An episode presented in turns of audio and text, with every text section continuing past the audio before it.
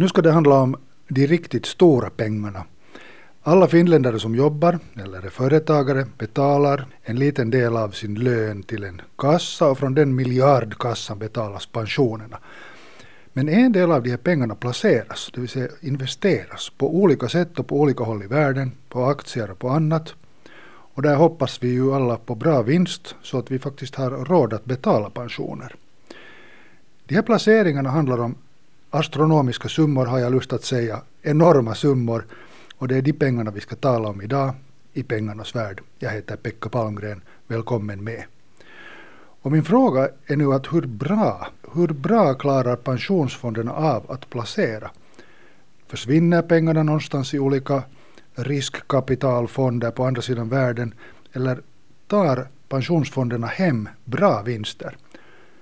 Välkommen Mika Widlund. Tack så mycket. Mika Widlund jobbar på Pensionsskyddscentralen. Du har varit med och gjort en, en undersökning, en jämförelse med olika länder. För det första, vilka länder jämför ni med? Sverige gissar jag åtminstone. Vi jämför ju alltid oss själva med Sverige. Ja, Sverige och alla eh, nordiska länderna.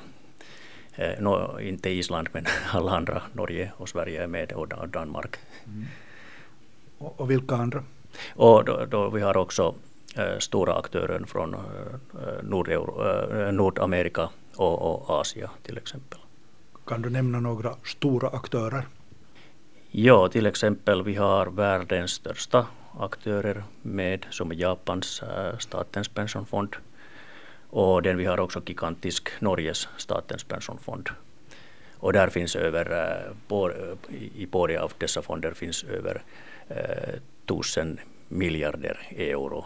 Så vi talar om en biljon eh, euro.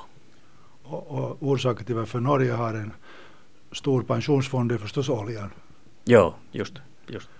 Och du, du nämnde här tidigare när vi diskuterade inför den här diskussionen att eh, Norge har börjat väldigt sent fondera sina pensionspengar om man jämför med Finland och Sverige. Ja, det var 1996 när Norge började att fondera medlen som det fick från oljan och gas. Och, och eh, i, till exempel i eh, Sverige och i Finland vi har fonderat sedan 1960 till vårt lagstadgade pensionssystemet. No, nu till, till de här olika fonderna som ni jämför eh, med varandra.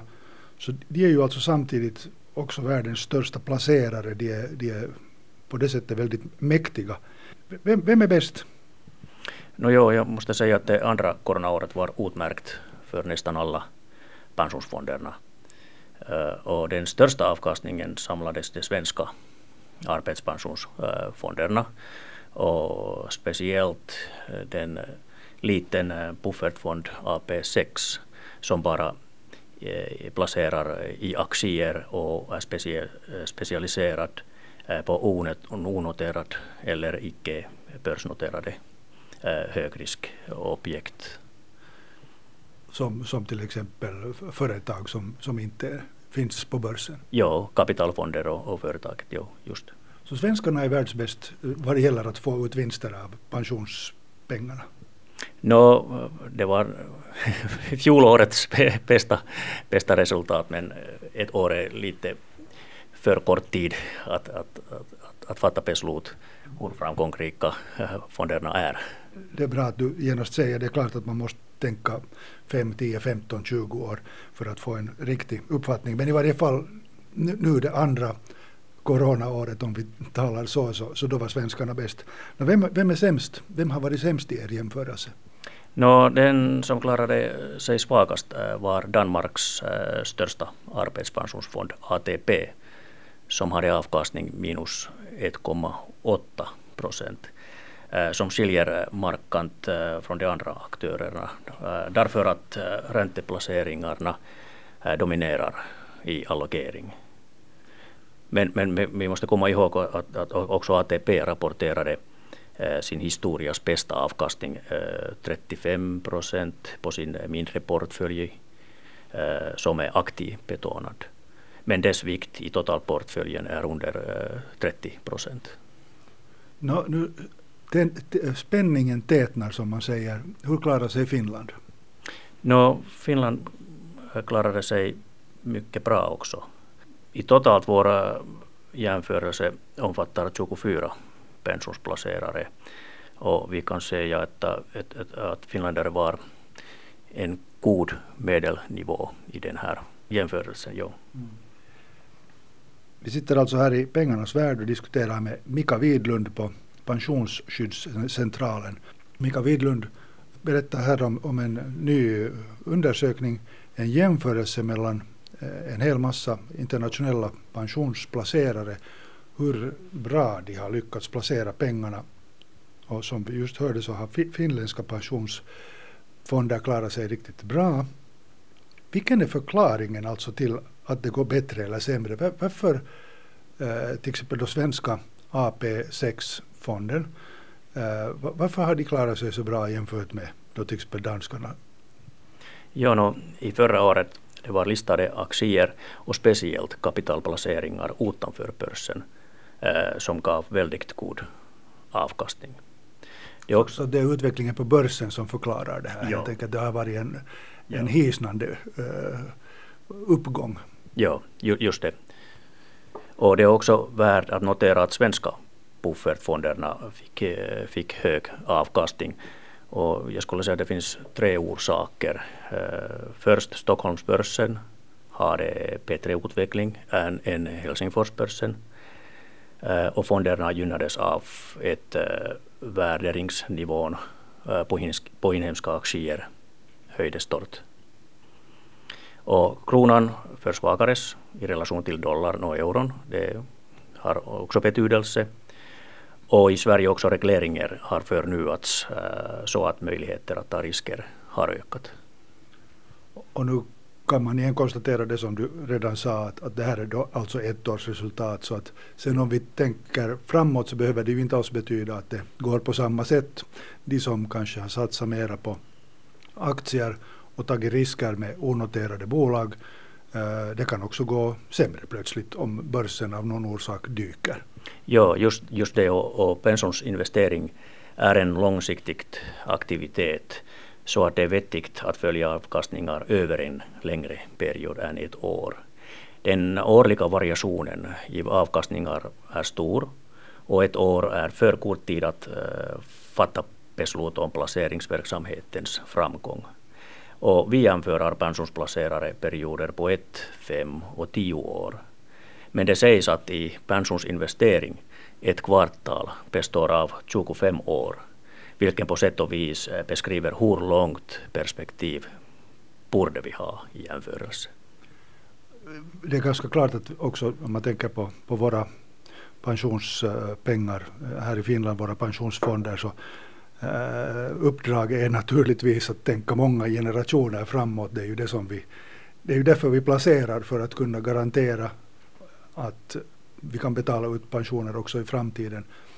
Alltså naturligtvis måste ju också finnas människor som, som jobbar och betalar, betalar hela tiden från sin lön men, men den här placeringsdelen är också otroligt viktig.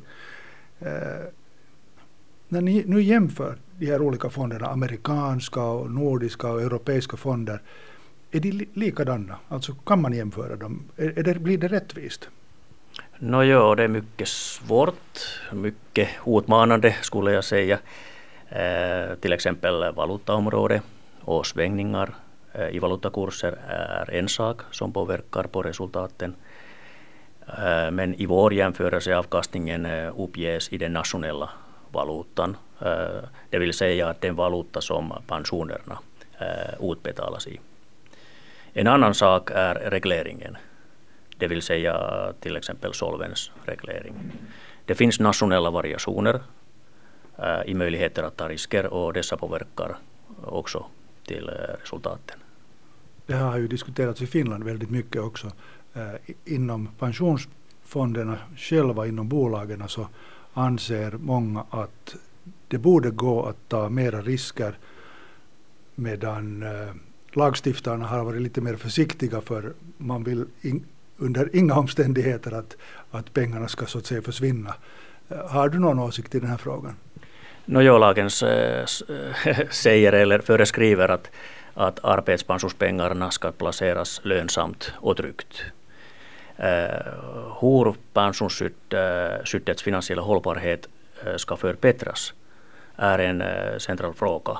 Och det är viktigt att utreda och diskutera hur man kunde få mera ut av placeringarna.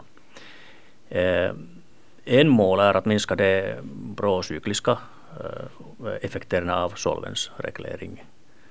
Vad, vad betyder det? Nu förstår jag inte. Till exempel att du måste sälja aktier i dåligt pris när börserna faller för att minska risken när det kunde vara bättre att behålla aktier och, och kanske köpa mer dem. Så med andra ord, det finns regler som hindrar bolagen att alltid göra de kanske vettigaste, ta de vettigaste besluten.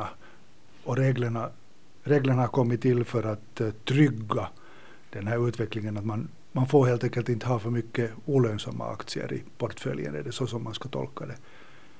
Ja, och, och det kan inte vara för högre risk så, som, kan se, eh, som kan sägas att, att en pensionanstalts eh, solvensgrad måste vara hög för att ta risk. Och det betyder att, att, att pensionstillgångarna förhållande till pensionsskulden måste vara ganska hög. Så med andra ord att när aktiernas värde sjunker mm. så sjunker också solvensen hos ja. bolagen? Ja, ja, på det sättet. Ja. Om du tar lite siffror ännu. Vi hade cirka 250 miljarder euro i fonderna i slutet av 2021.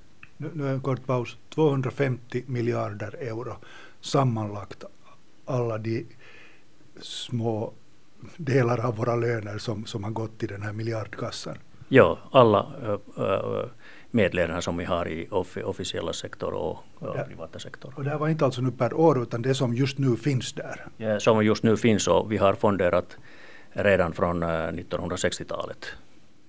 Och ett sätt att beskriva Eh, dessa stora summor är, är eh, finna någon eh, kontrastpunkt skulle jag säga.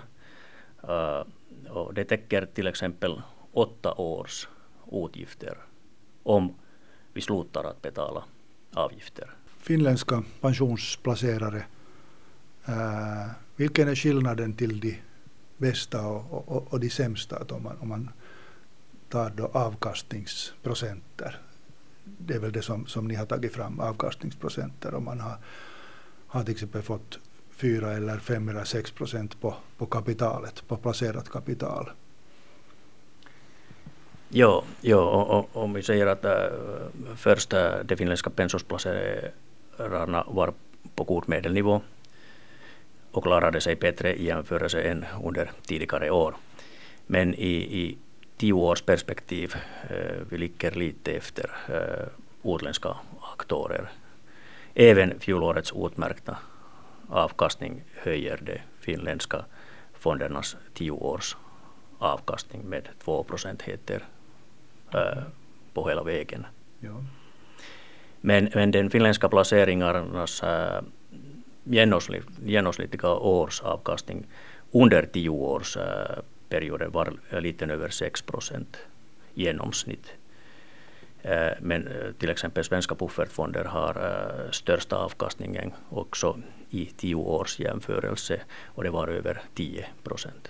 Så, så den svenska buffertfonden lyckades göra en avkastning på över 10 procent medan finländarna i genomsnitt i medeltal ungefär 6 procent. Ja, i tioårsperioden.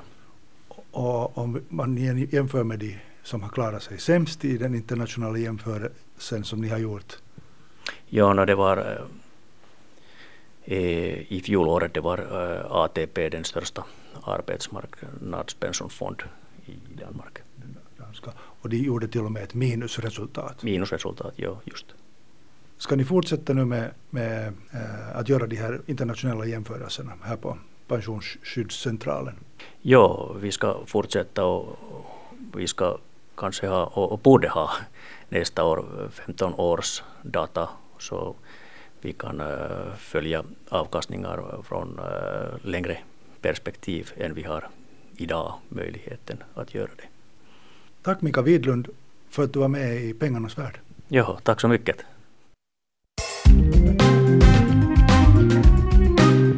Det var allt för den här gången. Nästa vecka i Pengarnas värld ett nytt tema och en ny gäst.